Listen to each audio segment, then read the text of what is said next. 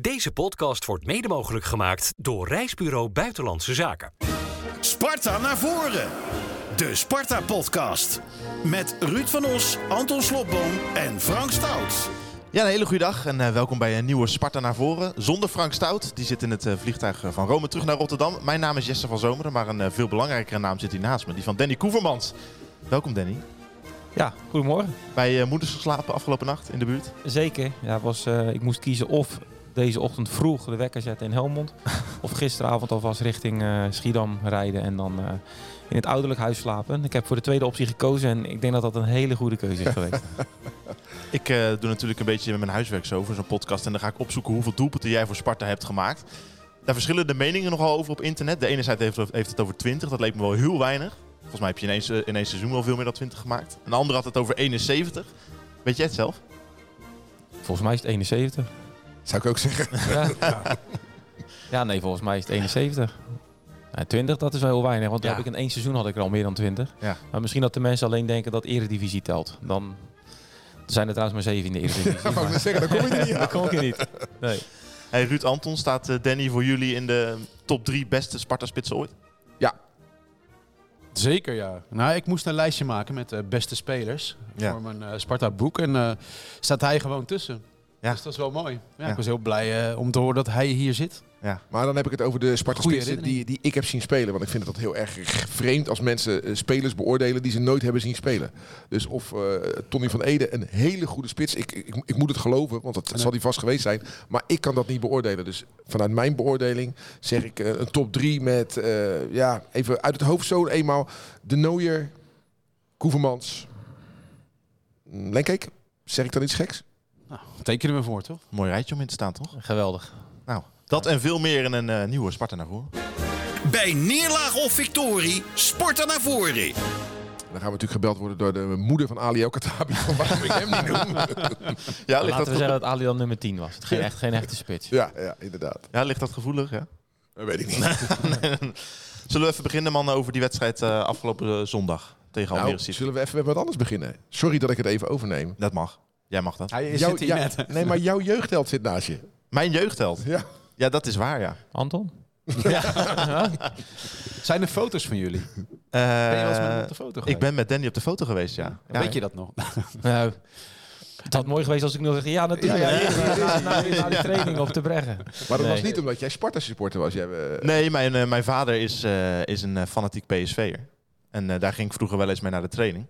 Um, en uh, ongeveer een van de eerste jaren dat ik echt voetbal volgde, kwam jij naar PSV. Kijk eens aan. Dus dan gingen wij naar een training en dan uh, moest ik natuurlijk met uh, de nieuwe aanwinst op de foto. Met, met De Koef. ja, mooi. Mooie bijnaam. Nog een van mijn allereerste wedstrijden die ik met mijn vader helemaal heb zitten kijken was PSV Vitesse 2007.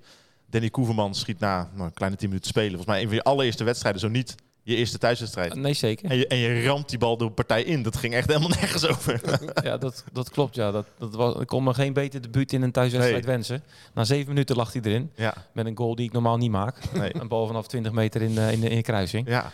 Normaal was het altijd in de 16 uh, positie kiezen. Maar op dat moment dacht ik, laat eens een keer schieten. En ja, dat was uh, een prachtige goal. Ja, toen was je binnen, zeg maar ja, dan was wel gelijk de druk en de, de spanning was al direct weg. Dat was heel fijn. Ja. Weet je, jij bent een nuchtere gozer die nog steeds iedere zondagavond bij zijn amateurclubje lekker aan de bar een biertje zit te drinken. Nee, nee, nee, nee, nee. Dat, dat biertje dat zit wel heel erg af hoor. Oh, sorry. Nou, nou, nou, nou. nou. Nee, nee, nee. Een 0.0 nee, dan. Nee, nee, maar, nee. nee. Pornstar Martini. Nee. Hoe is het voor jou als nuchtere gozer om een idool van iemand te zijn? Dat lijkt me best vreemd. Dit lijkt me nou best een ongemakkelijk gesprek. Als iemand naast je zit die zegt, ja, jij was een van mijn, uh, of je was mijn idool. Nou, dat valt eigenlijk wel mee. Ja? Ik vind het meer uh, een stukje erkenning juist hartstikke leuk. Ja, dat, okay. uh, maar Ruud, dat, dat, gevoel ken jij natuurlijk ook niet. Nee, natuurlijk niet. natuurlijk niet, nee. Ja, ja, daarom heb ik vijf kinderen op de wereld gezet. Dan ben ik tenminste voor vijf mensen een idool. nee, maar ik heb dat gevoel niet zo... Uh, dat, dat ik heel erg voel dat ik een idool van iemand ben geweest. Maar dat ben je wel.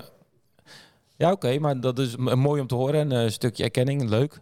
Maar dat, ja, dat overkomt je dat als je sporter bent, super, topsporter, uh, profvoetballer, dan leef je ook een beetje je leven en heb je dat niet zo uh, in de gaten.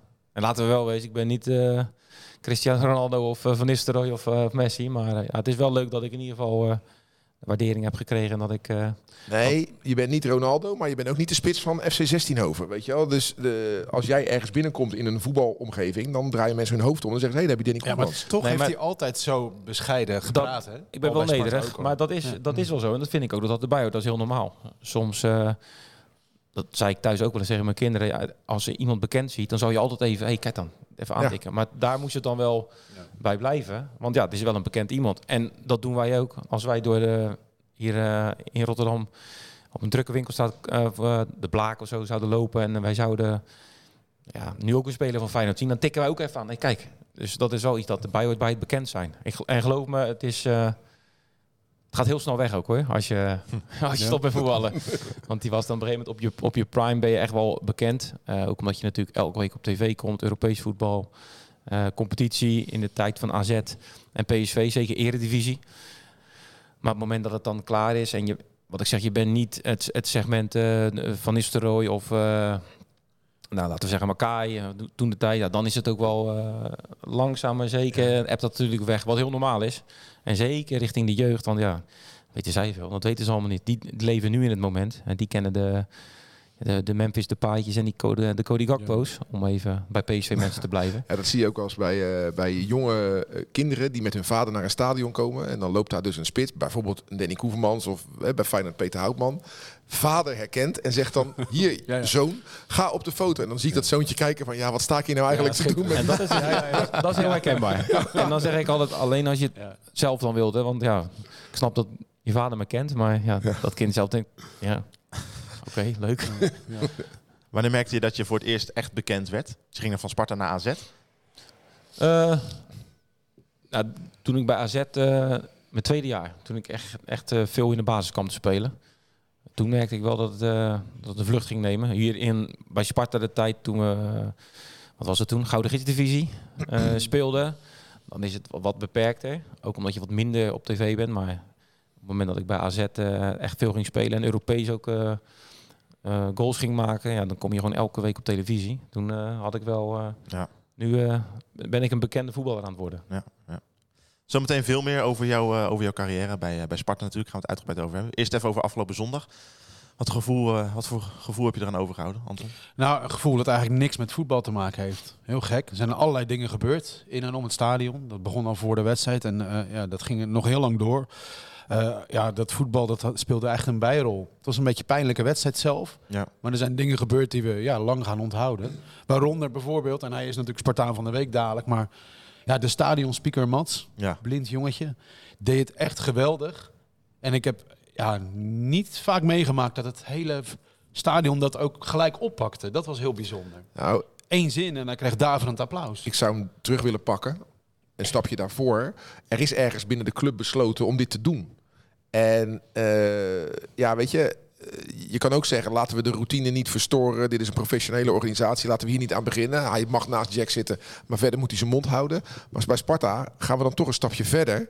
En laten we de jongen ook echt functioneren als stadionspeaker. Ja. En dat vind ik groots. Dat vind ik ook groots van Jack. Dat hij zijn plek heeft afgestaan en die jongen begeleid heeft. Dus de complimenten ook aan Jack. Maar het kippenvel op de armen inderdaad, toen dat jongetje het woord nam en het publiek zo reageerde. Ja. echt. Ik vond het prachtig. Ik vond het echt prachtig. Ik zag foto's van onze huisfotograaf Carla Vos. Ja. Dat was bij de, Den op de Dennis Neville niet goed te zien, maar eh, hard huilen ook, hè, soms, dat jongetje. Mats. Echt? Van de emotie. soms zagen we hem springen van blijdschap. Er gebeurde ook echt van alles. Dus uh, ja, dat was er weergaloos. Ik denk dat als je nu, als je nu enthousiasme googelt, dat je voortaan Mats moet krijgen als eerste. Nou, inderdaad. En er zat natuurlijk ook iets voor, hè? Want Thijs Veldhuis is bij hem uh, op, uh, op school geweest ook. Hè? Ja. Dus er was al contact met hem. En na afloop gaf Veldhuis ook zijn shirt ja. aan die jongen. Ja, dit is dit, wat, dit pakket. Ja. Weet je, jij zegt het goed. Hè? Tuurlijk willen we winnen van Almere. Tuurlijk vond ik het jammer. Maar dat en de herdenking waar je het zo ook over gaat hebben in de 30ste minuut maakt het voor mij een geslaagde Sparta-dag. Sowieso, Zeker. ondanks ja. de nederlaag. Ja, ben ik helemaal met je eens. Ja, kregen nog een mailtje van, uh, van André Tupker. Straks natuurlijk veel meer in, uh, in de post. Maar uh, deze kan ik nu alvast even benoemen. Want die heeft echt heel erg genoten van Mats. Die, uh, van het aanstekelijke enthousiasme van, uh, van deze blinde jongen. Hij deed het voortreffelijk. Wat een mooi initiatief van Sparta om dit mogelijk te maken. Ik kreeg een brok van ja. in mijn keel. Herkenbaar. Dat roept dat dus op. Ja, ja plus toch wel de wetenschap dat je wel verstaanbaar kunt zijn op de tribune. Want uh, Mats die was kraakhelder te verstaan. En ik heb natuurlijk in de podcast heel veel gezeurd om nieuwe speakers op de tribune. want we horen niks. Maar dat blijkt dus ook aan stemgeluid te liggen. Dus jij stuurt niet om nieuwe speakers, maar om nieuwe speaker. Ja, nou ja, ik weet niet of Mats, uh, die mag nog niet werken, die is piepjong. Maar, uh, op zich. Maar, maar om het naar jou te, te, te leggen, hoe is dat? Als, als, als, als, als je geconfronteerd wordt met iemand met een beperking en die maak je zo blij door gewoon eigenlijk je eigen ding te doen. Uh, heb jij dat in je verleden ook wel meegemaakt, denk ik, als speler? Oeh, moet ik goed nadenken. Maar dit uh, voorval, ik was heel benieuwd waar het naartoe ging toen je ging vertellen. Ik, ik zeg, ik heb heel weinig van uh, het voetbal gezien op zondag door mijn eigen club. Maar nu je dit zegt, staat me het wel weer bij. Ik heb de beelden ervan gezien. Ik wist dus niet dat de jongen blind was. Dus dat maakt, geeft nog een extra lading. Het is een prachtig uh, initiatief van Sparta dat, dat dat zo kan gebeuren. En dat dat ja. zoveel met de mensen doet. Ook met jongen zelf en de, de mensen in zijn directe omgeving echt uh, ja, schitterend gebaar. En dat zo'n jongen dan op, op die manier het van dichtbij mee kan maken. En dat hij ook mensen daar een heel uh, goed, goed, gevoel bij geeft. En dan zitten wij hier natuurlijk altijd trots te lullen van... kijk, dat is Sparta. Nou heb jij bij meerdere clubs gespeeld. Herken jij dat? Van, inderdaad, dat, is, dat typeert Sparta?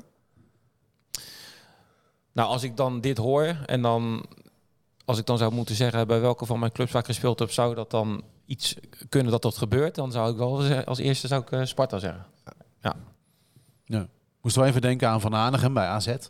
Die natuurlijk heel veel deed met uh, down-patiënten, volgens mij. Hè? Ja. Die, die liet hij gewoon ook op de bank zitten en alles. Ja. Dus het gebeurt natuurlijk wel vaker. Maar het, uh, Mats is geboren zonder ogen.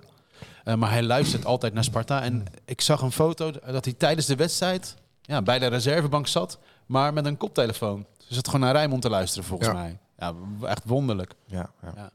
Ja, dit kan niet bij één keer blijven. Wat mij betreft komt hij elk jaar een keer terug. Ja hoor. Ik denk dat alle Spartanen dat uh, ja, onderstrepen. Ja, zeker.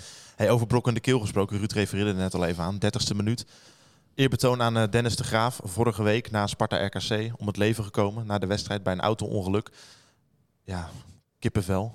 Op een hele andere manier dan uh, wanneer Mats heel enthousiast het publiek toespreekt. Maar dat was ook een heel bijzonder Sparta-moment. Vaste ja. klant op de Dennis Neville, Dennis de Graaf.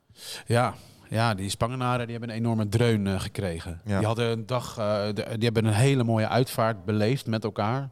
Nou ja, alles wat erbij hoort tegenwoordig, vuurwerk en noem maar op. En, en ja, ze hadden het goed voorbereid. En ja, die, dat applaus was ja, door het hele stadion heen. Ik zag niet heel goed hoe het op de hoofdtribune ging. Maar ik zag wel een spandoek bij Almere City fans. Sterkte Spangenaren ja, stond daarop. Hè? Won, ook wonderlijk. En dat was heel mooi. Ja, kijk, die, die ouders, zijn ouders stonden daar. Hè, tussen de Spangenaren. En zijn broer ook. Nou, dus ik ben namens ons gaan condoleren in de tweede helft. Nou, ik stak een hand uit, maar ze vloog om mijn nek. ik verdween helemaal. En die ouders die waren zo ontroerd op een goede manier. Ja. Kijk, en het erge is, ergens is die jongen er nog. Want ja, ja we klappen voor hem. En die ja, dreun die komt nu. Ik begrijp dat je dat zegt, maar voor die mensen is dat natuurlijk niet zo. Nou, In gedachten is hij er nog. Maar iemand die je lief hebt, die je niet meer kan aanraken. Dat is, dat is een pijn die nooit meer overgaat. Maar het wordt nu natuurlijk echt stil. Ja. Dus ik had heel erg met ze te doen. Want ik, weet, ik weet, ze zitten nog in een soort van roes natuurlijk. Ja, de, dadelijk uh, wordt het moeilijk. Echt moeilijk. Dus uh, dat, dat, is een jongen van de, ja, de harde kern. Na de afgelopen thuiswedstrijd overleden. Ongeluk op de snelweg. Ja, ik kreeg het mee via heftig, tv. Ja. Bij, ik zag de beelden voorbij komen. Ik wist dat niet, maar ja. ja dat is diep en diep triest. En je ziet het tegenwoordig wel vaker met dat mensen, uh, ook supporters, herdacht worden bij, uh, bij clubs door andere ja. door supporters en door de supporters van de tegenpartij. Dat uh, een bepaalde minuut wordt aangeduid, dat dan de hand op elkaar gaan of ja, klappen voor elkaar. En dat was nu ook. En dat was ja. een super mooi gebaar. En ja, het is vreselijk dat die jongen ja, zo vloeg uit het leven is gerukt. Met door een auto-ongeluk hoorde ik. Zeg dat de reservebank meeklapte. Vond ik ook mooi. Ja. Want normaal blijft dat bij spelers weg, hè, denk ik, dat soort, dat soort acties, dat soort berichten. Ja, ik denk normaal dat je dat niet weet. Maar dan nu denk het is tegenwoordig ook zo dat het ook, wat ik net zeg, al vaker gebeurt. Dus dat er van tevoren wel vermeld wordt, nou dit gaat gebeuren. Want okay. een, een, een, een, een spangenaar is van ons heen gegaan, dus er gaat wel aandacht aan besteed worden. Dat je niet raar opkijkt dat er dadelijk in de 30ste minuut iets gebeurt. Ik denk wel dat dat... Uh, Denk ik hoor, gemeld is van tevoren. En weet je, we moeten niet vergeten dat uh, die voetballers, dat zijn over het algemeen jonge gasten. En dat zijn ook maar pikkies die nog niet zo heel veel meters op de teller hebben staan qua levenservaring. Ik, uh, er waren beelden gemaakt. Bij PSV Ajax had Makkeli had een, uh, een zendertje op. En Makkeli is gevolgd. En die wedstrijd, dat wordt op ESPN uitgezonden, 20 minuutjes. Echt fantastisch om te zien. En toen was er die reanimatie van die PSV-supporter. En dan legt Makkeli dus de wedstrijd stil. En dan gaat hij dus uitleggen, ik leg de wedstrijd stil. Want dit en dit is gaande. En dan zie je dus inderdaad dat die voetballers gewoon, ja, net als jij en ik, ook zich de pokken schrikken van wat er aan de hand is. En ook een reactie van, oh wat erg. En we moeten natuurlijk inderdaad niet denken dat die gasten op het veld robots zijn. Die hebben ook het gevoel. Dus die voelen dat applaus ook. En die leven ook mee met zo'n met zo'n reanimatie. En uh, ja. dat is, uh, ja, ik vind dat wel mooi uh, dat, dat, dat dat ook binnenkomt op, op het veld. Ja. Nog een mailtje gekregen. Beste Anton, Ruud en Frank, langs deze weg zouden wij iedereen die heeft meegewerkt aan het afscheid van onze zoon en broer Dennis willen bedanken. De energie die de Sparta-familie ons geeft is zo enorm. Zeker ook willen we de Spangenaren danken voor de onvergetelijke steun van afgelopen vrijdag. Hij is een echte rood-witte. Met vriendelijke groet Harry, Gerry en Rick de Graaf. En ze hadden, daar, ze hadden daar een prachtige foto bij meegestuurd van, uh, van die eraar laatste eerbetoon aan Dennis. Ja, daar, uh, als je nog geen brok in de keel had, dan krijg je dat van zo'n uh, zo'n uh, mailtje van de nabestaande wel. Ja, mooi. Ja. Heel mooi. Sterkte voor deze mensen. Nou, heel veel sterkte. steekt die wedstrijd toch echt heel schril bij af, toch? Ja, ja, ja. Moeten we eigenlijk die, ja, die stap maken die niet te maken is. Van menselijk leed naar het voetbal. Toch maar, toch maar even over het voetbal hebben. Daarvoor zitten we hier. In ja, er was helaas voor Sparta genoeg voetballeed ja. op het veld. Ja, dit, dit zou de reeks van wedstrijden zijn waarin we het zouden laten zien. Dat we op hetzelfde niveau staan als vorig jaar. Nou, dat staan we niet. Dat wisten we eigenlijk al wel. Maar het zit niet mee. Nee, maar valt, valt, eerlijk gezegd een beetje tegen. Je bent natuurlijk ook zo verwend. Jij ziet er fit uit. We zijn wel verwend. ja, ja, ja, ja. Nou, ik heb gisteren weer gekiept bij de training. Ja. Oh. Ik, ik, ben niet zo fit meer hoor. Nee, maar we kregen natuurlijk, en dat is mijn stokpaardje, de beste, een van de beste trainers van Nederland op bezoek.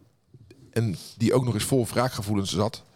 Wil jij nou eens uitleggen, alsjeblieft, want jij hebt met hem gewerkt. Oh, Alex Pastoor. Ah, eh, hoe, hoe, goed Alex Pastoor is. Jij was natuurlijk spitsentrainer in de tijd van Pastoor. Ja, ja dat, dat stond ik erbij. Ik was inderdaad bij uh, als zijnde spitsentrainer. Ik heb uh, mogen ruiken, proeven om met Alex Pastoor in de staf te werken.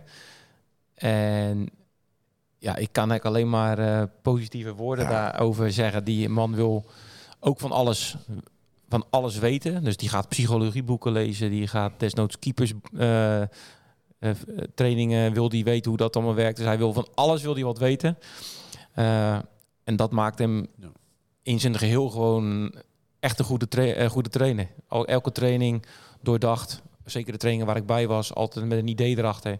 Wat hij wil trainen, gerichte besprekingen met de groep. Ik denk het enige en ik heb nog steeds altijd uh, contact met Alex. Ook als hij uh, weer is uh, gepromoveerd. En afgelopen zondag vervelend voor de Spartanen. Maar ja, natuurlijk wel drie vlammetjes van gefeliciteerd Alex. Zijn weer drie puntjes, belangrijk. Ik gun het hem ook echt dat hij met Almere erin blijft. Alleen, ik denk toen bij Sparta heeft dat hij dan uiteindelijk over alles wat te zeggen wil hebben. Ja. Dat dat hetgeen is wat, wat misschien zijn, zijn kleine valkuil is. Dat die we alles wat wil vinden. En alles dan uh, in handen wil nemen. En ja, ik denk dat dat toen bij Sparta misschien dat het een klein beetje... Toen was ik al weg hoor, dat dat misschien een beetje de valkuil is geweest. Maar over het algemeen, ik vond echt een... Uh, ik vond een, hij heeft een goede dosis humor. Uh, een fijne kerel, echt fijne vent. En ik vond het echt mooi dat ik dat jaar erbij heb mogen zijn. En ja, dat was ook nog het jaar dat we kampioen werden. Ja. Van dichtbij mee mogen maken. Prachtig. Dus ik kan alleen maar uh, positief zijn over de mensen en over de trainer Alex Pastoor. Hij had ons in ieder geval helemaal in de gaten. Zo. het idee, de eerste helft. We werden even ontregeld. Ja, want we waren helemaal niet de baas. Nee. En in, op ons eigen kasteel. Toch? Ja. We hebben echt verloren van uh, eh, FC Pastoor, had ik het idee. Maar is dat, is dat heel moeilijk om dit Sparta te ontregelen? Ja, dat is de volgende vraag. Ja. Nou, als je een plan hebt, blijkbaar niet. Dan is het niet zo moeilijk. En Alex heeft altijd een plan, je hoort het net zeggen. Doet nooit zomaar iets. En, uh, ja, en als je dan de goals ook nog uh, zo weggeeft dan uh, maak je het uh, een ploeg vol middelmatige spelers wel heel erg makkelijk ook. Dus het is een combinatie, denk ik. Ik lees online heel veel, uh, heel veel vragen, ook richting ons, van, van hoe komt Sparta toch bij dit plichtmatige spel? Oogt het heel plichtmatig? Ja, ik denk dat, uh, maar dat kan de, ex-prof veel beter beoordelen dan wij. Dat, dat je op een gegeven moment in een bepaalde situatie komt waarin dat gevoel het elftal insluipt. En vorig jaar sloopt dat er niet in, omdat Saito en Van Krooij altijd wel voor een goal, een assist of voor een geweldige actie zorgden. Gevolgd door een goal van Lauritsen. En dan bleef het gevoel positief. Maar nu is dat er niet. En is ook het, is het moment dat Sparta een positief gevoel krijgt, ja, is er niet of duurt, blijft te lang uit. Maar nogmaals, dat kan jij denk ik veel beter beoordelen. Ik, ik snap uh, wat je zegt. Uh, en als je die uh, drie namen, en ik denk zeker vorig jaar dat Van Krooi heel bepalend aan was. En uh, Saito. Saito ja, dan ben je in alle belangrijke wedstrijden, was het vaak wel die een van die drie die het dan beslissen. Laurits ook. En dan nogmaals, als Spartaan raak je ook een beetje verwend, laat ik dat vooropstellen. De laatste twee jaar denk ik. Zeker vorig jaar. Ja, dan valt ook alles goed. En dan dan gaan we ook nu zeggen, sorry Ruud, maar dat, dat je dan hoort van ja, het zijn middelmatige spelers bij Almere. Die jongens zijn allemaal profvoetballen, kunnen allemaal goed voetballen. En die winnen gewoon uit bij Sparta. Uh, op een goede manier. Dus uh, het is gewoon heel zuur voor Sparta nu dat het dan even tegen zit. En dan hoop je dus dat dan één zo'n speler of twee spelers toch weer opstaat, waardoor het goede gevoel terugkomt. Ja, dan, dan, blijf je vaak in dat, in het verleden hangen om daarnaar te kijken. Terwijl het allemaal helemaal niet. Dat, dat, dat telt helemaal niet. nee, maar ik zeg toch niks geks als, als ik uh, dat Sparta een betere selectie heeft dan Almere. En dus mag je toch verwachten op een thuiswedstrijd dat Sparta dan de bovenliggende partij is. Maar dat was niet zo. Ja, nou ja, goed. Ik moet heel eerlijk zijn. Ik kan echt niet tegenwoordig in het voetbal, hoe ik het volg. Ik zou niet heel veel spelers 12, 13 spelers op kunnen noemen van beide selecties. Dat kan ik echt niet meer. Zo goed volg ik het niet. Uh, maar ja, eh, eh, eh, op papier zou dat zo moeten zijn. Maar als je ze echt naast elkaar neerlegt, is dat dan ook zo? dat, dat, dat weet ik niet. En tuurlijk, als je vorig jaar naar Lauritsen keek, geweldig. En als je hem nu weglegt, uh, wat was Robinet. Robinet. Ja. Robinet. Ja, zet ze tegen elkaar weg. Ja, ik, Robinet heeft er ook een aantal goals in liggen. Dus op papier zou het er moeten zijn, maar in, in de werkelijkheid met het team dat erbij komt, het gevoel dat in de kleedkamer heerst, hoe, hoe graag wil je voor elkaar gaan, hoe is het verwachtingspatroon? Almere, ja, die zit voor het eerst in de eredivisie, die heeft zo'n zo'n gunidee, die kijken wel. Precies, gedoodverfde degradant. Ja, en dan maakt het al minder uit. Dus ja, middelmatig stel je voor als ze erin blijven. Ja, niet normaal fantastisch. Nou, dat, dat Sparta uh, het jaar na de promotie, dat ze de laatste dag volgens mij erin bleven bij Go Ahead Eagles. Ja. Dan, dan is het verwachtingspatroon anders. En dat is nu, ja, door de laatste jaren, is dat zo omhoog gegaan. Ook bij de Spartanen, denk ik. Omdat het allemaal klikt en het viel in elkaar. En ook moeilijke wedstrijden werden gewonnen.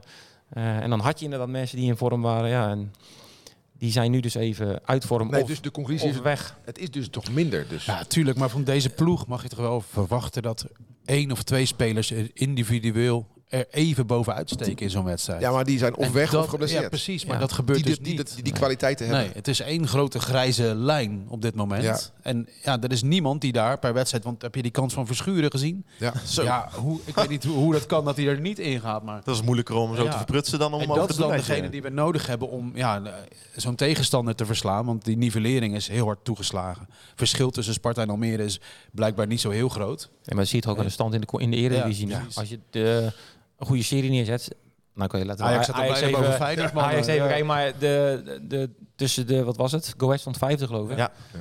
ja. tussen 5 en 14, als je een goede serie pakt, dan, dan kun je ineens snel stijgen. Het is nu top 4. Nou, Ajax komt er natuurlijk gewoon bij als 5 straks. En dan daaronder ja, ziet het er toch uit dat iedereen echt wel van, van iedereen kan winnen. Nou ja, we staan in het linkerrijtje en toch staan we dichter bij nummer laatste dan bij nummer 1. Ja. Ja. Qua punten.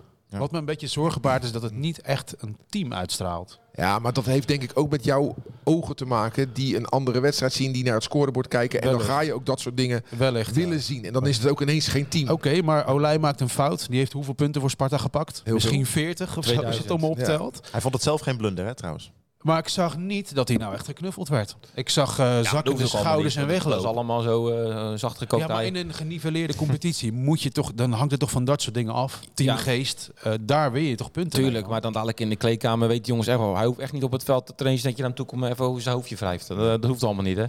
In de kleedkamer weten ze ook wel. Nou, je hebt ons de laatste tijd ja. 5000 punten bezorgd. Je hebt zelfs een Nederlands elfde voor selectie gehaald. Die gozer heeft het echt fantastisch gedaan. Nou, kan het een keer. dat, dat het misgaat. En dat weet hij zelf ook wel. En dan hoeft hij echt niet op het veld dat ze hem gaan knuffelen of zo. En we zitten nu in de fase dat als we dat gaan doen, dan blijven we knuffelen. Want er worden gewoon heel veel fouten gemaakt. Nee, maar, maar, maar, maar steekhouders uh, binnen, binnen stakeholders binnen het elftal. Lelijk woord, ik weet het.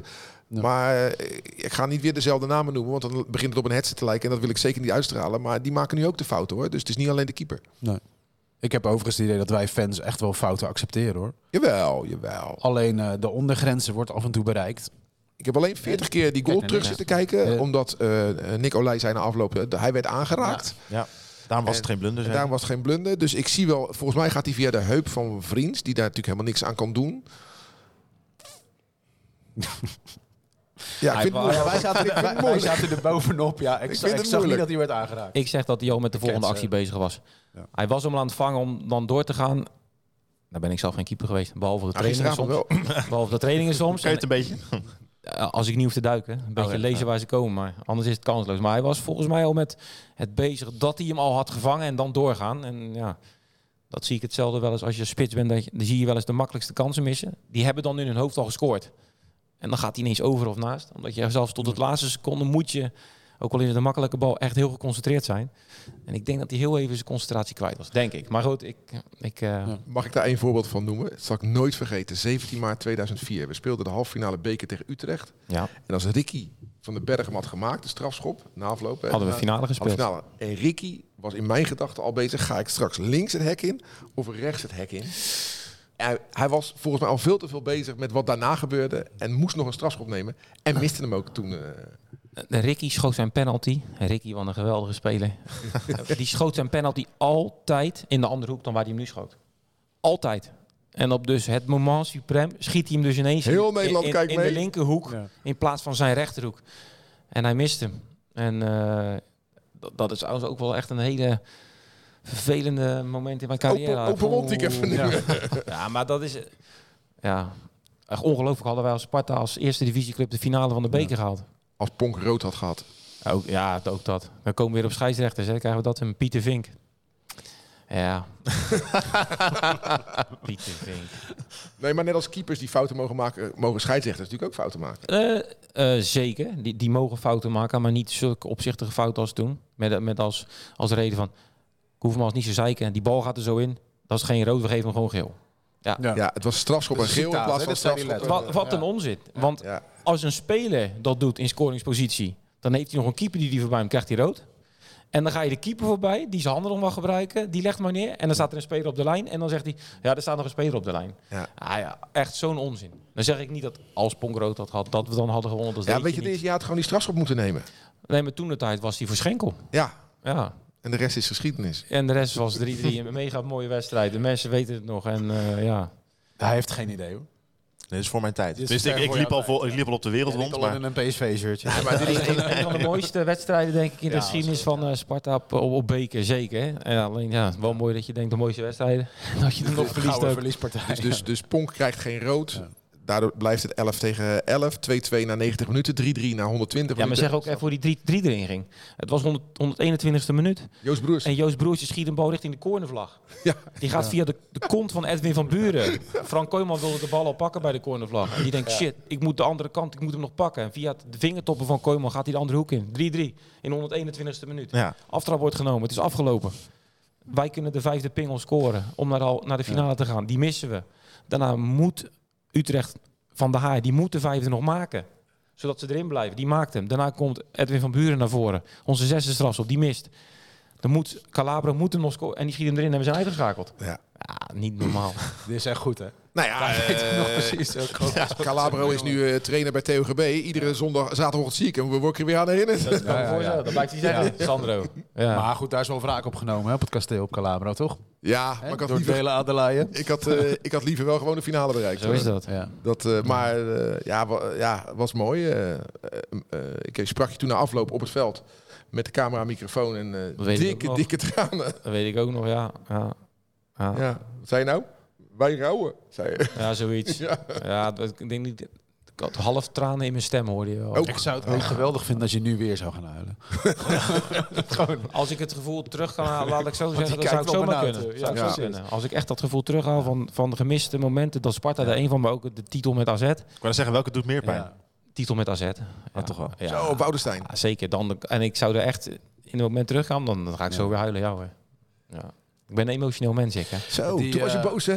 Ja, toen je bij Woudenstein het veld afliep na Excelsior AZ. Zo. Wat denk jij? Dat is de enige kans in je leven die je krijgt. Dat dacht ik van tevoren op dat moment. Ja. Niet weten dat, Niet je een jaar later, je een jaar later alsnog met de schaal zit. Maar, en dat heb ik al vaker gezegd, die had ik voor alles willen ruilen voor de, die titel met AZ. En dat is niks te nadelen van PSV. Maar daar was het gewoon uh, uh, another day at the office. En AZ hadden we echt geschiedenis geschreven. Want nu hebben mensen het nog steeds over het AZ onder Van Van Gaal en het Twente.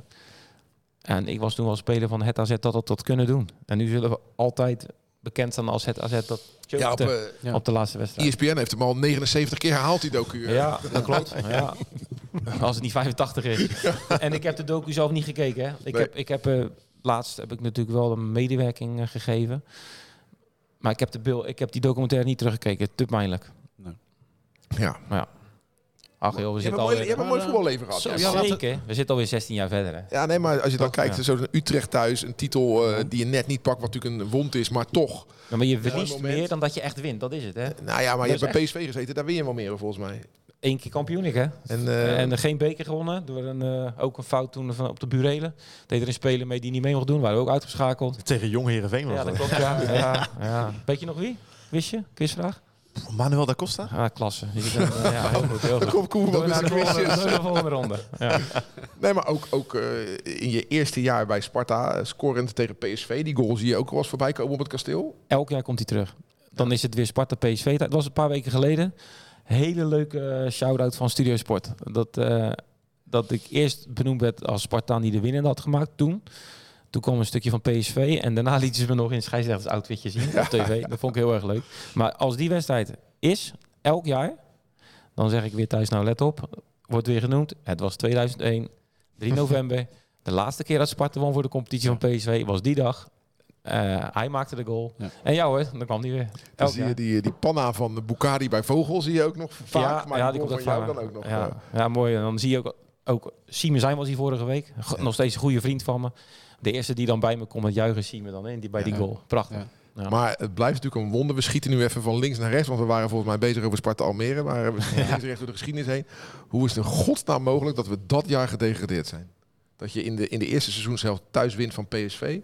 In La Manga komen er twee spelers bij. Wat is het? Sanu en, uh, en uh, Conte. Conte. Ik denk, nou, we gaan dan net niet voor de titel. En je dondert er gewoon uit. Ja, een stukje vertrouwen, wij het net op zeggen. Dan uh, mensen die uh, normaal goaltjes maakten, die maakten ze niet meer. En uh, de trainer wist het toen ook niet meer. En dan, dan, dan gebeurt dat. Dan zit je in zo'n zo'n val. Je hebt het aan Groningen gezien. nou, wie is er nog meer? Een keer 20 gedegradeerd volgens mij. Als je eenmaal erin zit, is het zo moeilijk om eruit te komen als, als ploeg zijn, als team. binnen zo'n club. dan, dan is het ook gewoon niet leuk om meer naar de training te gaan, omdat je weet Oh, het zal toch niet. Waar je normaal het veld op gaat. Sparta vorig jaar van, ah, dat maakt niet uit. We hebben die, we hebben die, we gaan echt scoren en we gaan winnen. Dan is het, oh, laten we alsjeblieft met een reboundje ergens op 30 minuten op 1-0 voorkomen. En laten we niet te snel een goal tegen krijgen. Dus je gaat zeg maar inzitten in het, in het niet-verhaal. Laat dat niet. En dat heeft dan zijn weerslag op de ploeg. Op iedereen binnen de club. En dan in, kom je in een val en dan, ja, we kwamen er niet uit. En degraderen. Zo. En dan, dan is je eerste wedstrijd ooit op het ene hoogste niveau. Emma uit. Emma uit. spelen we, spelen we in Celtic shirts. Van Trepo. Dan denk je, nou, we gaan lekker 34 keer winnen dit jaar. en dan verliezen we 3-0 bij Emma. Jezus. Ja, maar dat zie je als je dus als Eredivisieclub degradeert. Dan gaan ze allemaal doornemen. Is, nee, maar als je als Eredivisieclub degradeert. Het is zo moeilijk om dan... Uh, je bent aangeschoten wild. Iedereen wil tegen jou het, het maximale brengen. Nou, laten we niet verder erin duiken. Maar er zijn nog, thuis, er zijn nog thuiswedstrijden geweest, Ruud, dat jij, oh man, top Os thuis. Ja. Helmond Sport thuis, Volendam thuis. Laten we niet over hebben. Nee. Het was, een, was echt een, een vreselijk jaar voor uh, Spartaan. Dat eerste jaar in de Gouden Divisie. Het derde jaar was dan wel weer leuk. Het tweede jaar ook wel hoor. En het derde jaar ook natuurlijk. Uh, Toen maakten we geloof ik 200 goals. Uh, ja, en nog geen kampioen. Waarvan 100 Zwolle, hè, geloof ik. Hè? Zwolle, toch? Kampioen? Herakles. Nee, Herakles. hij is niet zo goed in Steeds, nee. die, wonnen, ja, die wonnen dat jaar alles met 1-0, volgens mij. Dat klopt. En wij met 6-0, 4-1 en zij 2-1, 1-0. Ja. Ja. ja. Oh, met Peter Bos zeker Ik kom al wat langer ja. dan jij. Maar de leukste voorhoede, dat was met uh, Danny en uh, Riga en Ricky. En Ricky. Dat was echt genieten. Dan stond je echt uh, op de tribune. zat de harde kern en zat nog midden achter de goal. Mm. Dat we na een minuut of vijf al zeiden van nou, het zal zo wel gebeuren. En inderdaad, maar toen hadden we dus echt genieten. Drie, waarvan je wist, als het ene doet, doet de andere het wel. Dus we zouden altijd scoren, maar beslissende momenten, Fortuna zit uit, ja. 3-0 verliezen. Ja. De Heracles thuis, die, uh, ja. Deden we het ook, deden we het ook niet. 0-0 de laatste wedstrijd maakte weer vijf. Jij, jij prijst die voorhoede van toen. Maar hoe was dat voor jou om met twee totaal knettergekke voetballers te, te moeten staan in die voorhoede? Want Riga, ik heb me rot gelachen. En Van de Berg. ja, ik ook. En ik ben denk ik blij dat het dan... Ik had nog veel meer moeten lachen als ik met die gast ook in die privé nog meer was opgetrokken. Want het was natuurlijk, het bleef beperkt voor mij tot in de kleedkamer op het veld. Maar die, die is zo gek als een deurman. uh, Ricky, die, die kan denk ik, uh, als die een podcast op zou nemen of iets ergens zou gaan zitten, en die zou verhalen vertellen. Ja, je ligt dubbel. Gewel, geweldige gasten, serieus. Zo mee gelachen, ook op het veld. En, maar ja, ik heb ook al eens gezegd, Ricky, als hij wat andere keuze had gemaakt in zijn leven qua clubs. Oh, ik vond echt een geweldige speler. Ja. Echt zo goed, jongen. Ja. Ik vond het zo mooi dat Mike Snoei uh, toen zei op trainingskamp van... Uh, kijk, ik heb Ricky eindelijk waar ik hem wil hebben. Kijk hem lopen met zijn bordje sla. En daaronder lag gewoon zo'n stapel. ja, dat zou kunnen, ja.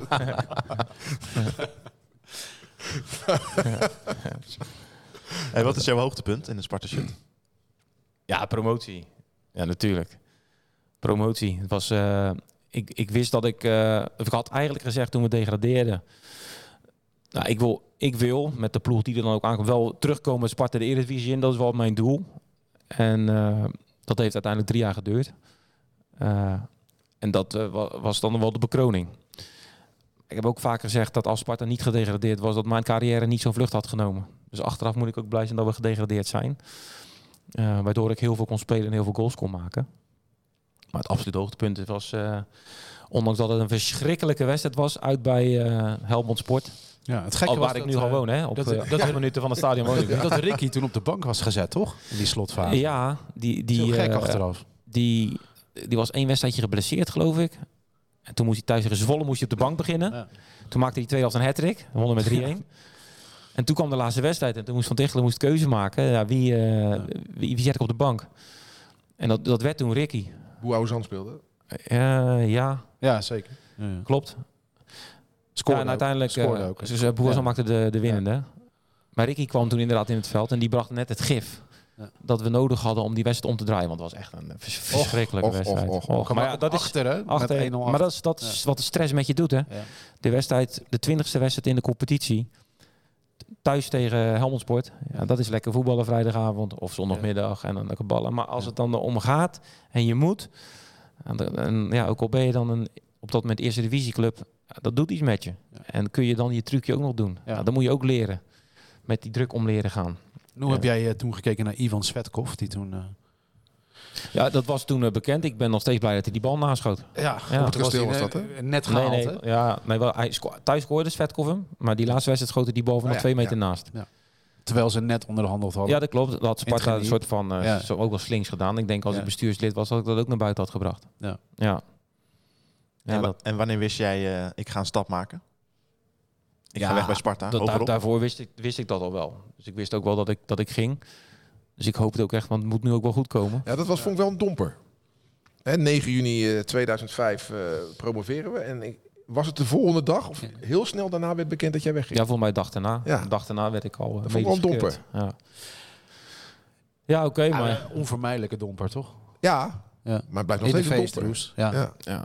Het Maurice, die, Maurice Stijn Ajax. Nou, dat was een domper. Dat wisten we die avond zelf nog. Maar dit, ik kan me niet herinneren dat we uh, treurig rondliepen met dat enorme feest op het kasteel. Nee, maar toen wisten we het nog niet. Nee, maar, nee, maar de ochtend daarna we kwam opeens naar buiten. In het nieuws ook dat jij uh, nog half dronken richting Alkmaar aan het rijden was. Ja, dat is niet waar. Dat is natuurlijk niet waar natuurlijk. Dat werd gezegd in ieder geval voor de keuring.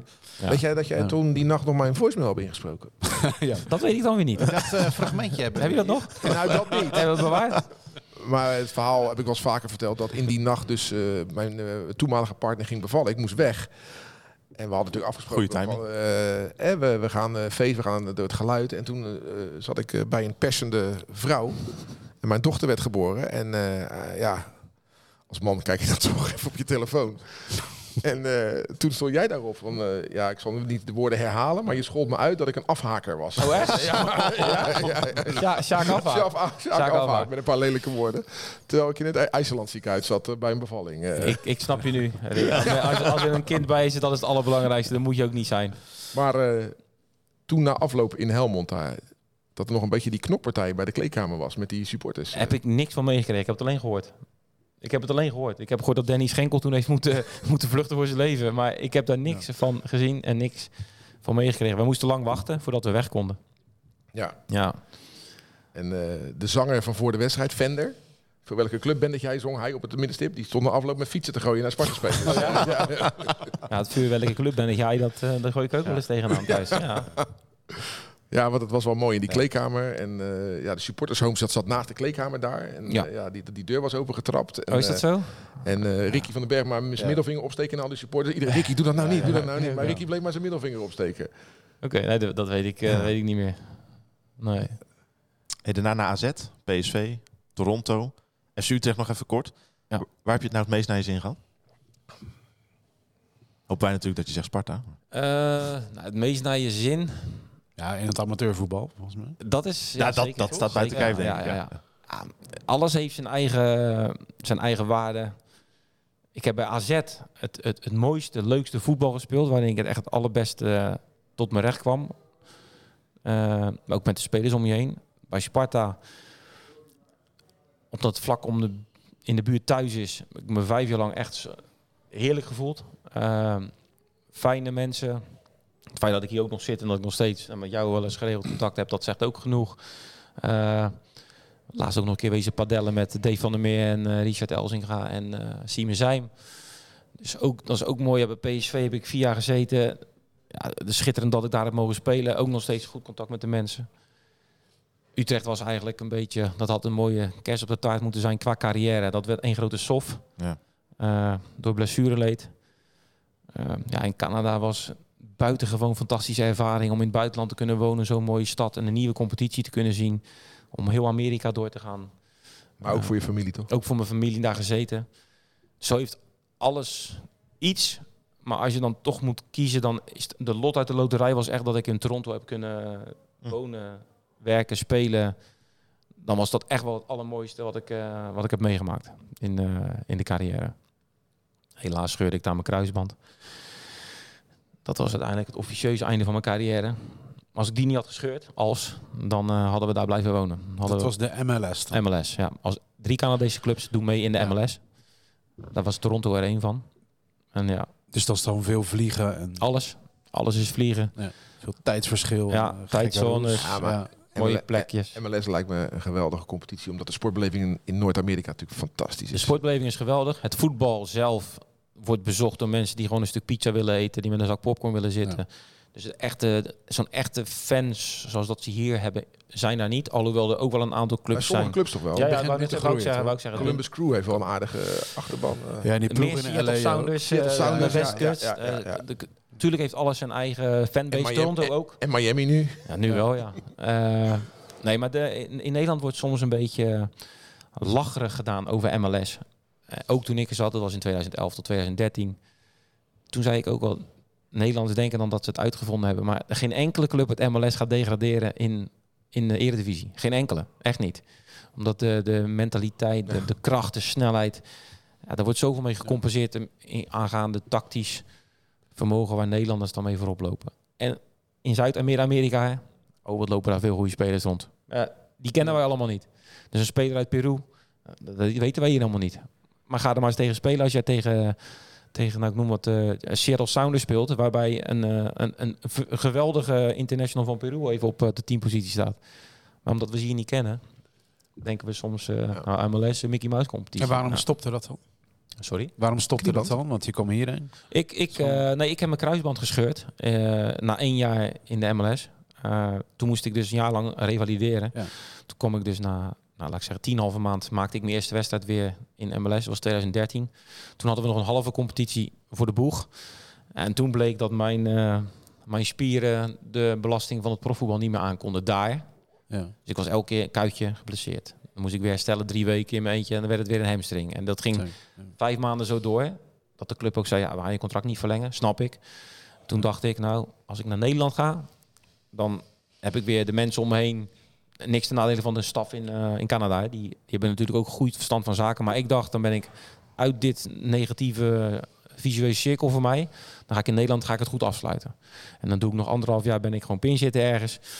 En dan kan ik lekker trainen en voetballen. Alleen toen kwam ik uh, meetrainen bij Eindhoven. En daarna ging ik naar Utrecht wat ging. En toen kwam ik in hetzelfde proces terecht. Dus toen heb ik na 29 minuten exclusief blessuretijd bij Utrecht... moest ik de handdoek in de ring gooien. Maar jij wil nu toch scheids worden, hè? Ja. Op het hoogste niveau, toch? Dat klopt. En daardoor heb Dan je moet je dus toch ook 90 minuten gaan rennen? Ik ben weer aan de krachttraining bezig om alles belastbaarder te maken. Ik ben echt er wel serieus mee bezig, ja. Mhm. Om uh, in ieder geval uh, dat aan te kunnen in zo'n wedstrijd. Mag ik een vraag stellen? Nee. Want je bent natuurlijk een jongen die altijd het plezier erin meegenomen heeft. Als je wat minder plezier had gemaakt, had je dan misschien ook minder lichamelijk malheur gekend? Uh, misschien, want als je, hoe heet het, als je nu kijkt wat, ik, wat je allemaal weet en wat je ervoor moet la ja, laten. Ik heb er veel voor gelaten, maar zeker qua voeding en, en uh, arbeidsrust en krachttraining. Uh, alcohol. Alcohol, ja, ik moet zeggen dat dat, dat dat etiket hangt aan mij omdat ik altijd een gezellige man was die graag bij de kantine was en na de wedstrijd graag een drankje deed. Maar je gaat dan nu niet zeggen dat dat niet klopt? Als je me even uit laat praten, dan zal ik, dan zal ik dat doen. Die fase uh, was zeker het geval bij Sparta. En zeker omdat wij vrijdagavond voetballen, hadden we altijd... Uh, vrijdagavond was het feest. En dan kon het ook. Op het moment dat ik naar AZ ben gegaan... Ik ben in AZ ben ik in, uh, in twee jaar tijd ben ik geloof ik twee keer op stap geweest. In mijn PSV ben ik op zaterdagavond na de wedstrijd echt wel een paar keer de stad in geweest. Maar uh, zoals dat het toen dat etiket aan mij hing, bij Sparta heb ik daar zeker wel gebruik van gemaakt op de vrijdagavonden. Maar daarna is het allemaal heel erg meegevallen. Alleen, ik spreek me daar wel over uit dat ik vind dat dat hoort. Neem een stukje pizza, neem een biertje na de wedstrijd. Wij doen ook als spelers een week lang zijn wij, en soms bij de profs, uh, bij PSV AZ, elke drie dagen moet je presteren. Het is doodnormaal dat wij als voetballers gewoon ook even lekker uh, een biertje willen drinken of een bakootje en willen doen. En dan worden wij afgemaakt omdat we dan uh, dat niet mogen of zo. Als een advocaat of een jurist een zware week heeft, die werkt ook naar het eind van de week toe. En die gaat het ook op een vrij niveau ontspannen. En waarom zouden wij dat niet mogen? Alleen je moet wel nadenken wanneer je het doet. En ja. Maar wat is dan het antwoord op zijn vraag? Als je echt meer als monnik had geleefd? Nou ja, ik, ik denk wel dat zeker aan het eind van mijn uh, uh, carrière... Dat, ik, dat dat voor mij wel belangrijk had geweest. Dat, dat zeker. Ja. En, maar ik, op dat moment dacht ik echt van... Ik, ik, ik ben er goed mee bezig. Alleen toen ik er echt goed mee bezig ging zijn, toen ik bij de amateurs bijna 100 kilo was en dat ik echt elke week geblesseerd raakte. Toen zag ik ineens een, een lichaam ontstaan dat ik dacht, oké, okay, als je dat had gedaan ja. tijdens de carrière, plus nog wat extra krachttraining en let op de voeding, dan had ik misschien inderdaad uh, lichamelijk fitter geweest. Ja, wat heb je, jij, jij, jij, kijkt deze podcast, dus je hebt René de Hoon hier zien zitten. Die zei uh, over jou met Steegman, ja die bollen die hoeven we niet. Ja, nou ja, goed. Uh, dat verhaaltje, dat, uh, dat kwam natuurlijk bij mij door. En ja, ik kan hier wel nu meneer Steven onder de bus gaan gooien. Maar de, de, eerste keer dat ik daar kwam, en dan kan ik een bolle zijn of niet, wist de heer Stegeman niet eens wie er voor hem zat. Dus die had heel zijn werk niet gedaan.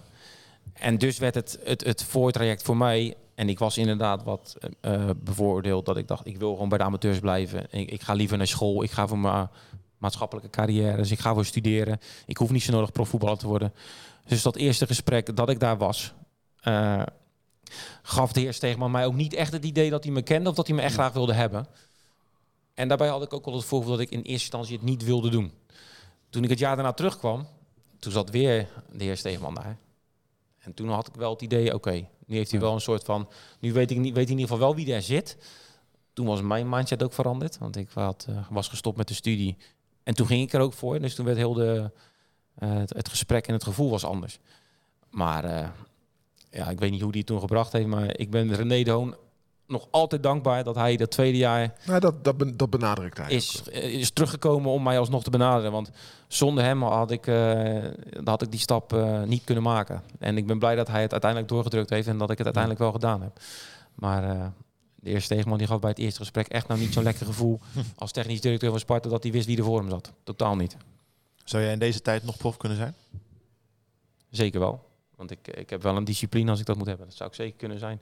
Ik zou alleen helemaal gek worden van het social media gedoe allemaal. Dat je nog meer onder een vergrootglas ligt. Maar ik zou dat zeker nog wel kunnen zijn. Ja, want wat vind jij daarvan? Afgelopen vrijdag hadden we bijvoorbeeld Michiel Kramer bij ons te gast.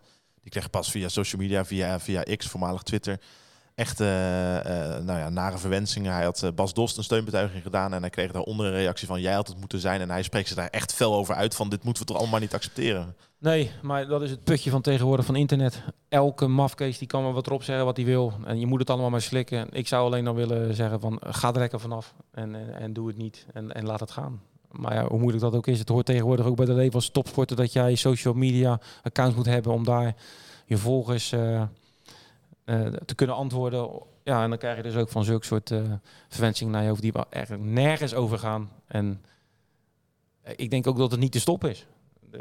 ja, het is verschrikkelijk en het is toch heel normaal dat Michiel Kramer een, een steunbetuiging geeft ja. aan, een, aan een collega. En dan gaat een of andere idioot, die gaat dan zeggen dat had het moeten zijn. Ja, wat bezielt zo, wat bezielt zo iemand? Ik kan dat niet uitleggen. Ik zou dat wel eens aan zo'n persoon willen vragen. Die dat dan, dat je weet dat hij het is van wat, wat bezielt je nou? In de meeste gevallen zeggen die personen gelijk sorry, weet je dat? Dat zijn natuurlijk ja, gewoon... dat hebben we ook uh, Peter R. de Vries wel eens zien doen. Precies. Dat stelt allemaal geen, helemaal niks voor als je dat in het echt ontmoet. Nee, het zijn vaak hele trieste personen. Die, die werden, eh, zo iemand werd dan geconfronteerd door Peter R. de Vries. Jij schreef toch dat ik dood moest? Ja.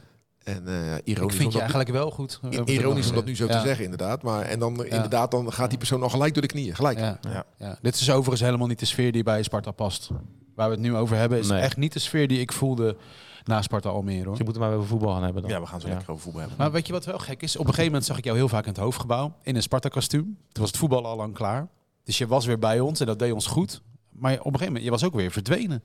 Vond je, wat, wat, bedoel, wat bedoel je nu? Je had een baan op, de, oh, ja, het kantoor. Ja, ja, ja klopt. Ja. Nee, ja, dat was, dat wat was, geweldig is, een oud speler die... Dat was hetzelfde jaar dat ik ook bij, uh, bij Alex dan op het veld stond. had ik een dubbel, soort dubbelfunctie. Ja. Dus op vrijdag bij, bij thuiswedstrijden had ik een soort van commerciële functie.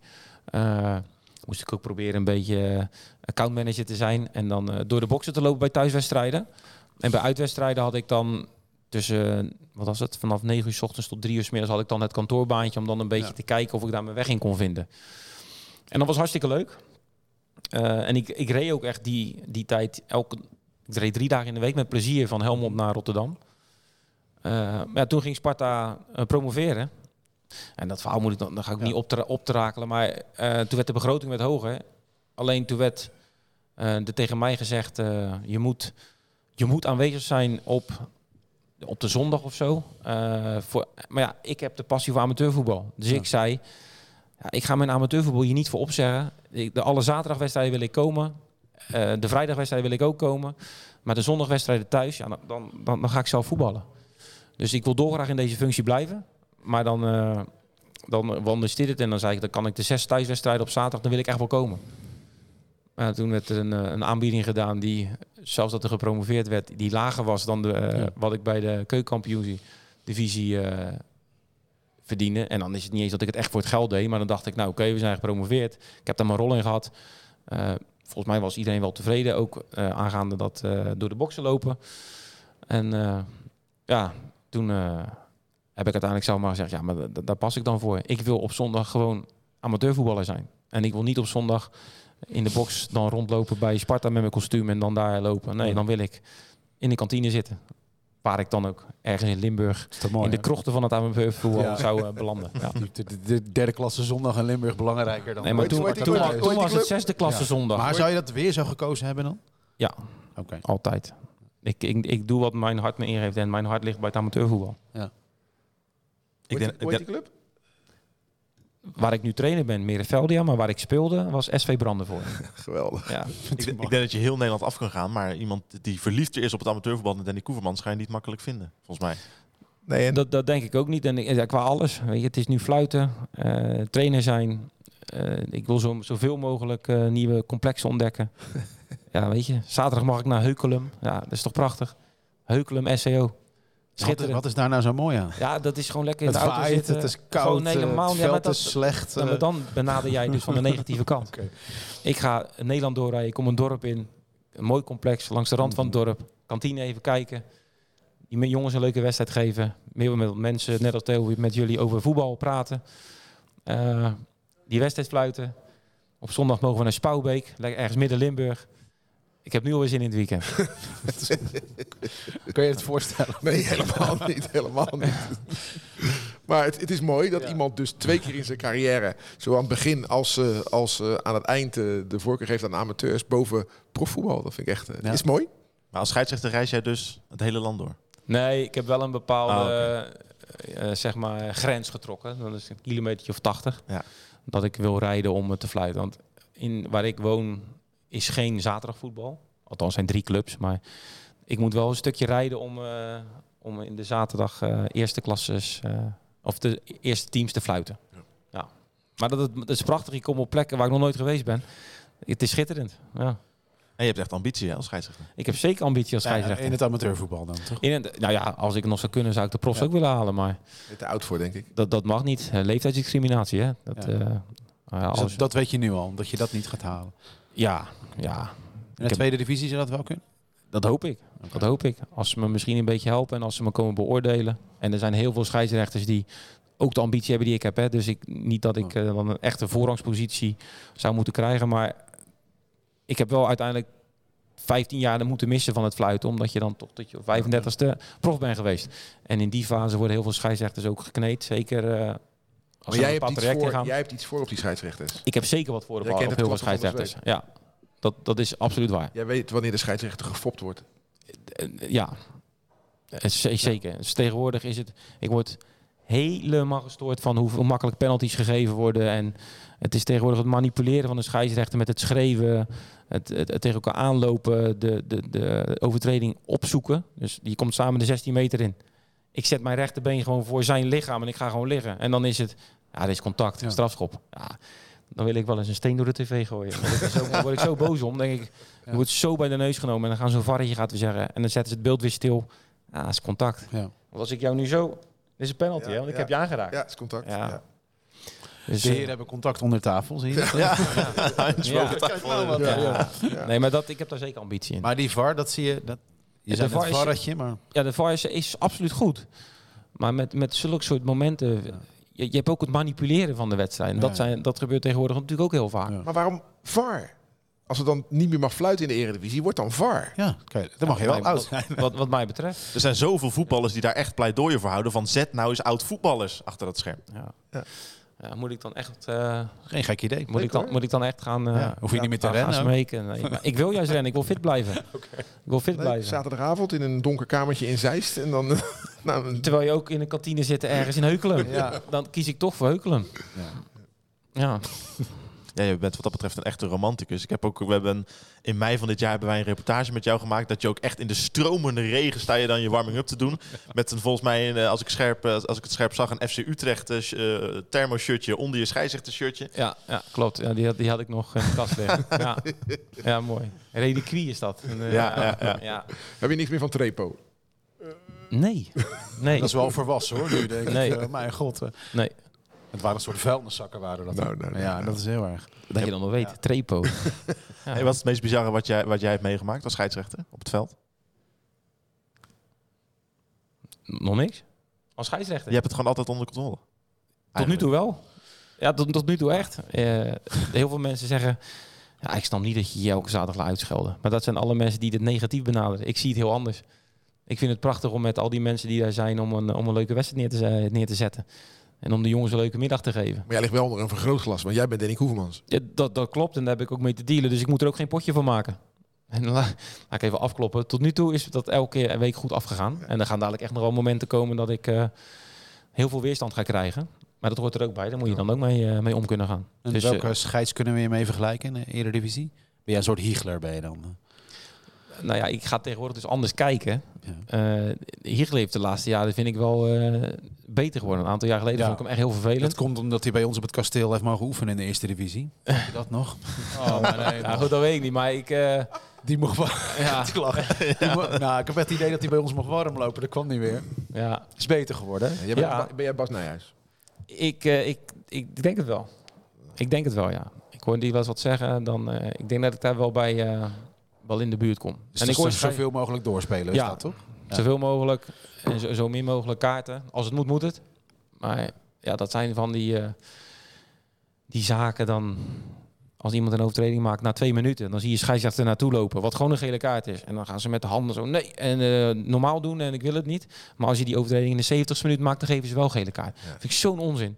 Zo'n onzin. Gele schil. En niet omdat het dan, nou, als het na één minuut is, geef je hem gewoon. Maar dan, ja, dan ga ik weer, dan word ik weer emotioneel. Dat, uh, ja.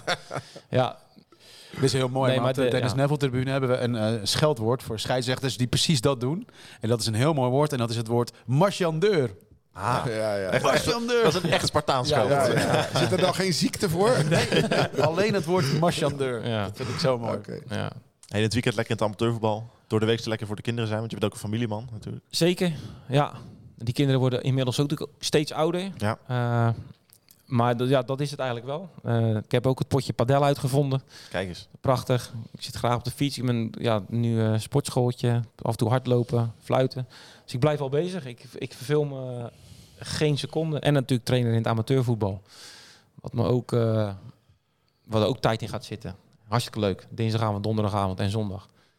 Dus ja, nee, ik, ik kom de weken echt makkelijk door. Ik heb er nog geen seconde verveeld op het moment dat ik uh, gestopt ben met voetbal. Heb je dan thuis ingelijste shirts aan de muur? Nee. nee foto's of... Uh, nee. Nou ja, die zijn, er zijn wel foto's die je dan hebt gekregen door de jaren, maar die staan ergens uh, zolder. op zolder. en dan zoek je wel eens iets als de kerstspullen. Als je dan de kerstboom pakt of zo, dan zie je, oh ja, mooi. ja. ja. Nee, maar het is niet dat er in de... Er hangen meer foto's in mijn huis van het gezin en van de kids. Hebben jouw kinderen enig idee wat voor carrière hun vader heeft gehad? Uh, dat hebben ze wel, maar ze zeggen ook nu later dat ze nu pas, nu ze ouder worden, echt pas in de gaten hebben hoe bijzonder het is. Uh, dat je Nederlands elftal hebt gehaald, dat je Champions League hebt gespeeld, dat je kampioen bent geworden, dat je in volle stadions bent, dat je bekend bent geweest. Uh, dat is met de laatste jaren pas echt. Herkennen ze je eigenlijk wel in een Sparta-shirt met nog een volle aardappels? jawel, dan moet soms moeten ze wel eens om lachen natuurlijk. ja. ja. Nee, maar dat is uh, mooi. Maar ook als je het bekijkt, ik denk dat het ook maar beter is. Dat als je nu jonge kinderen hebt, met, zeker met social media erbij, het gaat minder, oh, soms moet dat ook zwaar zijn hoor. Oh, jouw vader, oh, iedereen kan er wat van zeggen en vinden. En vaak blijft het negatieve hangen. Dan uh, is het maar goed dat, uh, dat ik het voor mij in die tijd was. Dat mijn kinderen inmiddels 17 en 15 zijn. Ja. We zitten al ruim een uur te lullen, mannen. Maar we hebben nog wat rubriekjes. Ja, ik moet er zo vandoor. Dus ja, we hebben nog wat rubriekjes te doen. De Spartaan van de week. Ja, dit is een uh, inkoppertje. Ik dacht, laat ik met de makkelijkste beginnen. Ja, de Spartaan van de week is natuurlijk Mats, ja. onze stadionspeaker. Maar daar moeten we bij zeggen, jij zei het net ook al. Jack Kriek heeft hem een paar dagen begeleid. Mats moest alles uit zijn hoofd leren. En op iedere foto die ik zie, zie ik Jack heel liefdevol naast hem staan. Um, echt beschermend. Dus mijn Spartaan van de week is dan toch Jack Riek. Oh, toch wel. Nou, mooi. Mooi gevonden. Ruud? Ja, nou ja, ik, ik, wilde Alex Pastoor noemen, hè, omdat hij het gewoon geflikt heeft voor revanchegevoelens. Dus, uh, maar, maar eh, wat jij zegt is mooi. Is mooi. Dat werd op de tribune al voorspeld. Dat jij Alex Pastoor zou gaan ophemelen. En het gebeurt. Ja. hij had ons door. Verloren van FC Pastoor. Ja. Heb jij nog een beetje medelijden als je naar Sparta kijkt en je ziet Tobias Laurits daar lopen. Die vorig seizoen natuurlijk Kokkie Saito had. En Vito van Krooi als aangevers. En die het nu moet doen met Camille Negli, die nog zoekende is. Pelle en, Pelle Clement, die geen linksbuiten is. Dus hij krijgt gewoon veel minder aanvoer. Nou, medelijden is dan een groot woord, hè? Nee, ik heb, daar, ik, heb, ik, heb, ik heb daar geen medelijden mee. Maar ik hoop wel natuurlijk voor Sparta en ook voor Laurits... dat hij dadelijk die ballen weer gaat maken.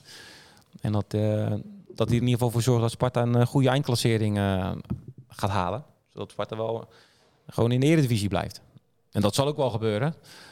Maar we hebben het net al gezegd dat uh, het zit zo dicht bij elkaar allemaal. Uh, je moet niet in een fase komen waarbij het elke week uh, was en wordt zoals dat wij het hadden in 2000. Was het 2002? 1? 2001? Ja. Ja, 2000. Het gaat niet lang duren voor Brim, denk ik, een basisplaats krijgt. Die brengt energie die we echt nodig hebben. Ja, dus daar, zonder, gaat de verandering aan Zonder heel briljant te spelen, maar er zit wel energie in. Inderdaad. Precies, het is plat. Het is nog niet geniaal, maar het heeft het, heeft het gif uh, ja, wat de tweede helft beter maakte dan de eerste. Maar het geeft ook aan hoe je als trainer ook afhankelijk bent van spelers. Dus je kan nog zo uh, goede trainer zijn. Als uh, Rijsdijk nu ervoor staat en hij had die, die mensen die weg zijn erbij gehad. Ja, had heel anders. Uh, Zo is het. dus, absoluut. En, en dat is eh, hoe het dan soms ook loopt. Dan als trainer zijn, dan ben je gewoon afhankelijk van uh, jouw beste spelers, zijn ze in vorm? Zijn ze er die dag? Nou ja, en zeker met Vito van Krooi vorig jaar. Dat is wel iemand die zo bepalend is geweest. En die is nu ineens weg. Ga maar goals stellen, ga maar assist stellen. Die zijn allemaal weg. En dan moet iemand terugkomen die dan eigenlijk wil je als Spartaan hetzelfde gaat brengen. Hetzelfde goals, uh, assist.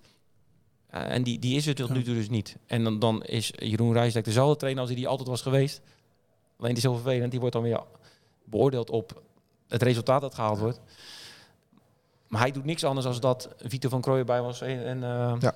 Nou, dit weekend werd hij beoordeeld op hoe hij zich in, tijdens de wedstrijd opstelt. Het ging veel over Pastoor, die staat veel te coachen. Ja, Rijsdijk leek, deed dat niet. Hè? Die bleek meer zitten, maar die leek ook de wedstrijd daarmee. Ja, maar dat is ook uh, weer gang te laten. De beeldvorming, want nu, dat is de, beeldvorming, dat is zo lekker. Want uiteindelijk komt Pastoor of Almere het 1-0 voor door een blunder van Nick Olij.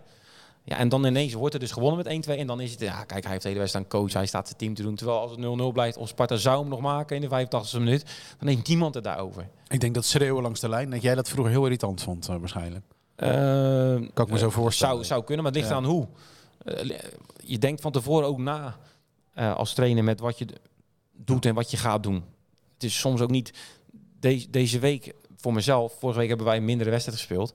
En deze week hadden wat eh, mensen die niet waren, we blessures. Ik had wel zoiets, ik ga niet, maar je gaat wel enthousiasmeren. Dus ik ga meer langs de kant, uh, kom op, door, door. Meer dan dat ik normaal doe. dus dan zeggen de mensen van de club ook, je hebt deze week wel veel langs de kant gestaan.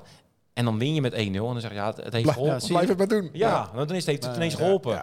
Terwijl, stel je voor dat we hem verliezen met 0-1, dan is het van, nou, normaal doe je dat nooit. En nu sta je dat doen, slaat nergens op. En dat is met dit precies hetzelfde. Want nu wordt er dus gezegd, Sparta verliest 1-2 en dan gaan we zeggen, ja. ah, hij zat wel een beetje timide in de bank, hij doet niks. Dat, dat is zo'n onzin. Hey, ik moet weg. Ik moet echt weg. Ik moet afronden nu. Uh. Oké. wat, is dit, wat is dit nou weer? Ja, dus ik moet half heb ik een afspraak. Uh, in? Het is tien over. Uh, Kaat en recht. Oh, joh. Ja, nee, ik moet echt, ik moet echt, ik heb met Wim Pijbers een afspraak, ik moet daar wel op tijd zijn. Oké, zullen we dan nog even met jou snel het glazen bolletje doen? Doen we daarna zonder jou nog even de pot? Dat is een hele grote pot met geld. De glazen bol. Ja, kunnen we kort over zijn. Want uh, niemand uh, voorspelde natuurlijk vorige week dat uh, Sparta zou verliezen van Almere. Dus Frank blijft op 5, Anton blijft op 6 en Ruud blijft ver daarboven met 13. Nou. Zondag half drie, Volendam Sparta. Mag jij beginnen Ruud? Kan je daarna weg? 1-1.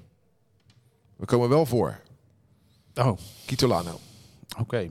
Okay. Um, 1-3. Lauritsen. Wat denk jij Danny?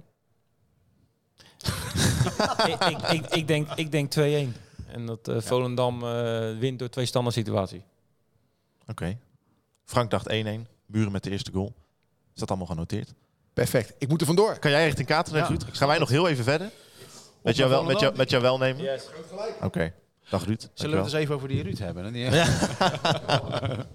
Dag Ruud. Gaan we nu even de post doornemen, is dat goed? Ja, natuurlijk. Gaan we doen. Wat zit er in die gleuf? Tijd voor de post. Ja, waarom niet? Waarom niet? We gaan nog even door. Heel lang lullen. Ja, daarom. Jij hebt de tijd. Jij hoeft niet weg. Ik nou, hoef nergens heen. Nou, mooi. En we hebben natuurlijk uh, op social media wat uh, oproepjes gedaan. Van uh, vragen aan Danny, die bij ons te gast is. Ik kreeg één vraag van, van Kuiptalk. En die vroeg aan jou je mooiste herinnering aan Bas van Noordwijk als zaakwaarnemer. Ja, mooiste herinnering? poeh. Ja, ja, Bas heeft mij gewoon eigenlijk vanaf de amateur heeft hij mij bijgestaan. Ik was een amateurvoetballer en toen heeft hij mij bijgestaan. En uh, dat was hartstikke fijn dat hij mij ging helpen. En dan mooiste herinnering. Ik denk de mooiste herinnering was eigenlijk, nu weet ik het, op trainingskamp uh, met Sparta. Toen, toen was Bas jarig. En toen zijn we zijn, zijn kamer ingestormd onder leiding van Jan Michels. En die gooide toen volgens mij heel zijn kop voor mijn scheerschuim in de ochtend, volgens mij. Ja, dat was, dat was, dat was wel leuk. Ja, dat is een mooie herinnering. Hij heeft toen nog bijna een arbitragezaak voor je aangespannen, hè? omdat jij heel graag naar Feyenoord wilde van AZ in de zomer van 2007. Uh, eh, even kijken. Hij ging vervolgens zelf wel naar Feyenoord. Van AZ naar Feyenoord, ja. Ja, dat klopt, ja. ja nee, dan, dan merk je als voetballer dat je handelswaar bent. Dat je, dat je niks, niks over te zeggen hebt. Ik had twee jaar lang bij AZ heel veel goals gemaakt. Hartstikke goed gedaan. En dan is Hosanna, Hyper de Piep, als het goed gaat. En toen zei Louis van Gaal dat ik niet goed genoeg meer was en dat ik eigenlijk wel uit mocht zien naar een goede andere club. Ik wilde toen naar Feyenoord en Feyenoord wilde ook voor mij betalen. Maar daar ging AZ gewoon niet meer akkoord. Die zeiden we moeten meer geld hebben. Ja. Toen heb ik echt nog huilend bij Brands op het kantoor gezeten. Van een stelletje, mm van wat, wat, wat flikken jullie me nou, weet je? Twee jaar lang alles en dan puntje bepaaltje, gun je me dit niet, terwijl gewoon de trainer dit zegt. Uh, maar ja, moet rustig blijven. Ja, toen ineens kwam PSV uit het niks. Uit het niks. Ja. ja. En toen zat ik bij PSV. Terwijl het allemaal heel veel mooier ook. Terwijl het allemaal, nou ja, dat weet ik. Hartstikke mooi, super. Ook rood-wit gestreept. Maar dat dat allemaal heel anders kunnen lopen. Zo heeft Mario Been ook ooit een keer mij onder de bus gegooid over dat ik iets met, met Feyenoord, dat ik bij PSV bleef toen er minder ging en zo. Dan denk ik, je weet helemaal niet waar je het over hebt allemaal. Joh. Echt niet. Hoe, hoe dat allemaal gaat en hoe dat voelt. Maar goed, dat, uh, dat is allemaal verleden. Marco de Jager die wilde nog weten of jij de eerstkomende wedstrijd niet even op de bank kan gaan zitten. Kan, kan ik zeker doen. Kan ik zeker doen. Nee, maar... Nou, je dat opfluiten? nee, nee, nee. nee, nee mag nee. kiezen. Nee, dat... Uh, ik, ik, ik volg het natuurlijk altijd. En uh, Sparta verleden jaar echt fenomenaal. Met, het was echt gewoon geweldig. Hmm. En uh, het, het, gaat nu iets minder. Ja, je moet hopen dat je dadelijk in een soort even een streak van wedstrijden komt. Dat, je, dat het even goed valt. Uh, en dat is een soort gevoel. En wat ik net al zei over de, de trainen en de trainingen. Daar zit echt wel een idee achter. Ja, je moet hopen dat het, dat het dadelijk in vorm komt en dat het even goed valt. Een ploeg met spelers als Kitolano, dat moet ook gewoon kunnen natuurlijk. We hebben het steeds over grijs, maar er lopen toch nog wel spelers in die echt, echt boven de middelmaat uitsteken. je hebt gewoon voor, ja. even kijken, je hebt ook John de Guzman, is er ook nog. Uh, achterin, uh, Vriends, gerenommeerde, goede eredivisieverdediger. Uh, hebben de beste keeper. Het is een supergoeie keeper. Sowieso dus. Uh, en dan, dan, ik zeg het net, ik ben niet goed op de hoogte. Die hebben we op de backpositie staan. Van de kust, Van de Bakari. Kust dat zijn onze zwakke plekken tot nu toe. Oké, okay, tot nu maar van de ja. kust is voor mij van Utrecht ja. Ja, gekomen. Uh, jonge, talentvolle, goede back. Nou, hopelijk groeit hij dan dit seizoen nog. Uh, Pelle Clement, gerenommeerde eredivisie voetballer, echt een goede speler. Ja. Je moet hopen Als hij op zijn goede plek komt staan. Oké, okay, maar staat nu op de buitenpositie. Ja, oké, okay, en dan probeert hij iets anders. Dan denk je, wil ik toch mijn beste spelers in het veld hebben. Dan ga ik een beetje schipperen. Ja, zeker. Dus misschien dat hij dan de volgende keer zegt, heel vervelend. Keuzes maken, ja, dat hij dan of Clement op de bank zet of een ander op de bank zet. Maar uh, je hebt gewoon... goede spelers. Je hebt ook van die fases, dan lopen spelers zeg, met hun ziel onder hun arm. En dat is Clement, hè? Ja. Dat is gewoon echt een beetje... Ja. Wie krijgt nu de voorkeur op middenveld dan, ten, ten faveur van hem? Want hij staat nu linksbuiten, hoor ik dan. Nou, noem ons middenveld maar op. Kitolano de Guzman Verschuren. Ja. Ja, maar dat is... Nou ja, kijk, Verschuren gaat er dan af natuurlijk door die schorsing. Ja, nog steeds niet bekend. Nee, maar dat zijn drie namen, die zeg je even. Dat is ook wel kwaliteit, ja. want Verschuren, die heeft, niet uit, die heeft nee. het laatste uh, tijden ook gewoon... En die doet het ook gewoon goed. Die ja. zorgt ook voor goals en voor uh, aanvallend voetbal naar voren. En die schuld ja. ook niet om heel goed mee te verdedigen. Dus uh, ja, je hebt dus vier hele goede middenvelders, waarvan er maar drie ja. kunnen spelen. Misschien moet hij naar 4-4-2 gaan. Maar ja, dat is misschien zijn stijl niet. Hey, laatste berichtje uit de post, want we gaan langzaam afronden. We zijn al, uh, de tijd vliegt. Ja, dat komt omdat je zo'n fan bent, hè? Ja, dat, ja, dat denk ik ook. Ja, ja, ja. Die gaat ook nog een uur door, ik, toch? Ik hang, aan, ik hang aan zijn lippen. Ja, doen we even buiten de camera's om. Ja. Hey, Kaspar stuurde ons nog een mailtje over twee uit drie jongens die hij met de Palestijnse vlag had gezien na Sparta RKC. Nou heeft Ruud even nagevraagd bij Sparta en die stuurde de volgende reactie. Het is ons bekend dat er een Palestijnse vlag zichtbaar was en de club heeft het standpunt dat wij geen politieke uitingen wensen in het Sparta-stadion. Wij hebben getracht om deze vlag in te nemen gedurende de wedstrijd met de uitleg dat Sparta Rotterdam dit niet wenselijk vindt in het stadion. Echter gezien de situatie die daar ontstond met bemoeienis van omstanders is er uit veiligheidsoverwegingen en overleg met politie besloten om daar op dat moment de-escalerend op te treden door de vlag niet in te nemen. Weten we ook weer. Ja, dat is een heel gek verhaal. Nou, dit gaan wij nu niet oplossen, deze problematiek. dat is wel duidelijk. Ja. Ja. ja. Het viel mij ook op, maar ja. Ja. Nou ja, de wereld staat een beetje in brand. Dus uh, het is niet heel raar dat dat ook op het kasteel te zien is natuurlijk. Nee, dat is ook zo. Frank stuurde nog een leuk fotootje vanuit uh, Rome met uh, La Ros en Nijkamp. Samen met Kokkie Saito. Die zitten in Rome? Nee, die zitten niet in Rome. Okay. Frank zat in Rome okay, en die stuurde okay, vanuit Rome een fotootje dat ze hem in Engeland... Het wordt heel benauwd. Dat ze hem in Engeland, uh, dat ze hem in Engeland op zijn gaan zoeken, Kokkie Saito. Dus dat is mooi, toch? Kom je nog een keer? Ik kom best nog een keer komen, ja. We hebben nog heel veel te bespreken ja, van ja. Ik heb het, al, ik heb het halve draaiboek maar behandeld. Dit, dit boek. Jouw boek. 101 dingen die je over Sparta weten moet. Jij bent een van de dingen. Oké. Okay. Dus bij deze. Oh. Dit exemplaar voor jou. Oh, dankjewel. Leuk. Dat jij. Ik zit niet vaak met een van de 101 dingen aan tafel. Nee, nee, nee. Hey, leuk. Gesigneerd en al. Nummer 82 ben je. Oké. Okay. Leuk man. Maar ik ga, dan ga ik nou, lekker lezen. Dat is een eer, Danny, om in het boek van Anton te staan. Gauw Nou ja, ik, ik, Gauw ik, ik, moet eerlijk zeggen dat ik echt wel... Uh, je, je, behoort echt wel tot de historie van Sparta. Ook ja, en wat ja, ik ook mooi ze hebben natuurlijk ook heel veel... We zijn door de tijd heen, mannen. Komende zondag Volendam Sparta op Radio Rijnmond. Als Spartaan zijn wij geboren, als Spartanen sterven wij. in de geest van Bok de Korver. Sparta naar voren! Deze podcast werd mede mogelijk gemaakt door Reisbureau Buitenlandse Zaken.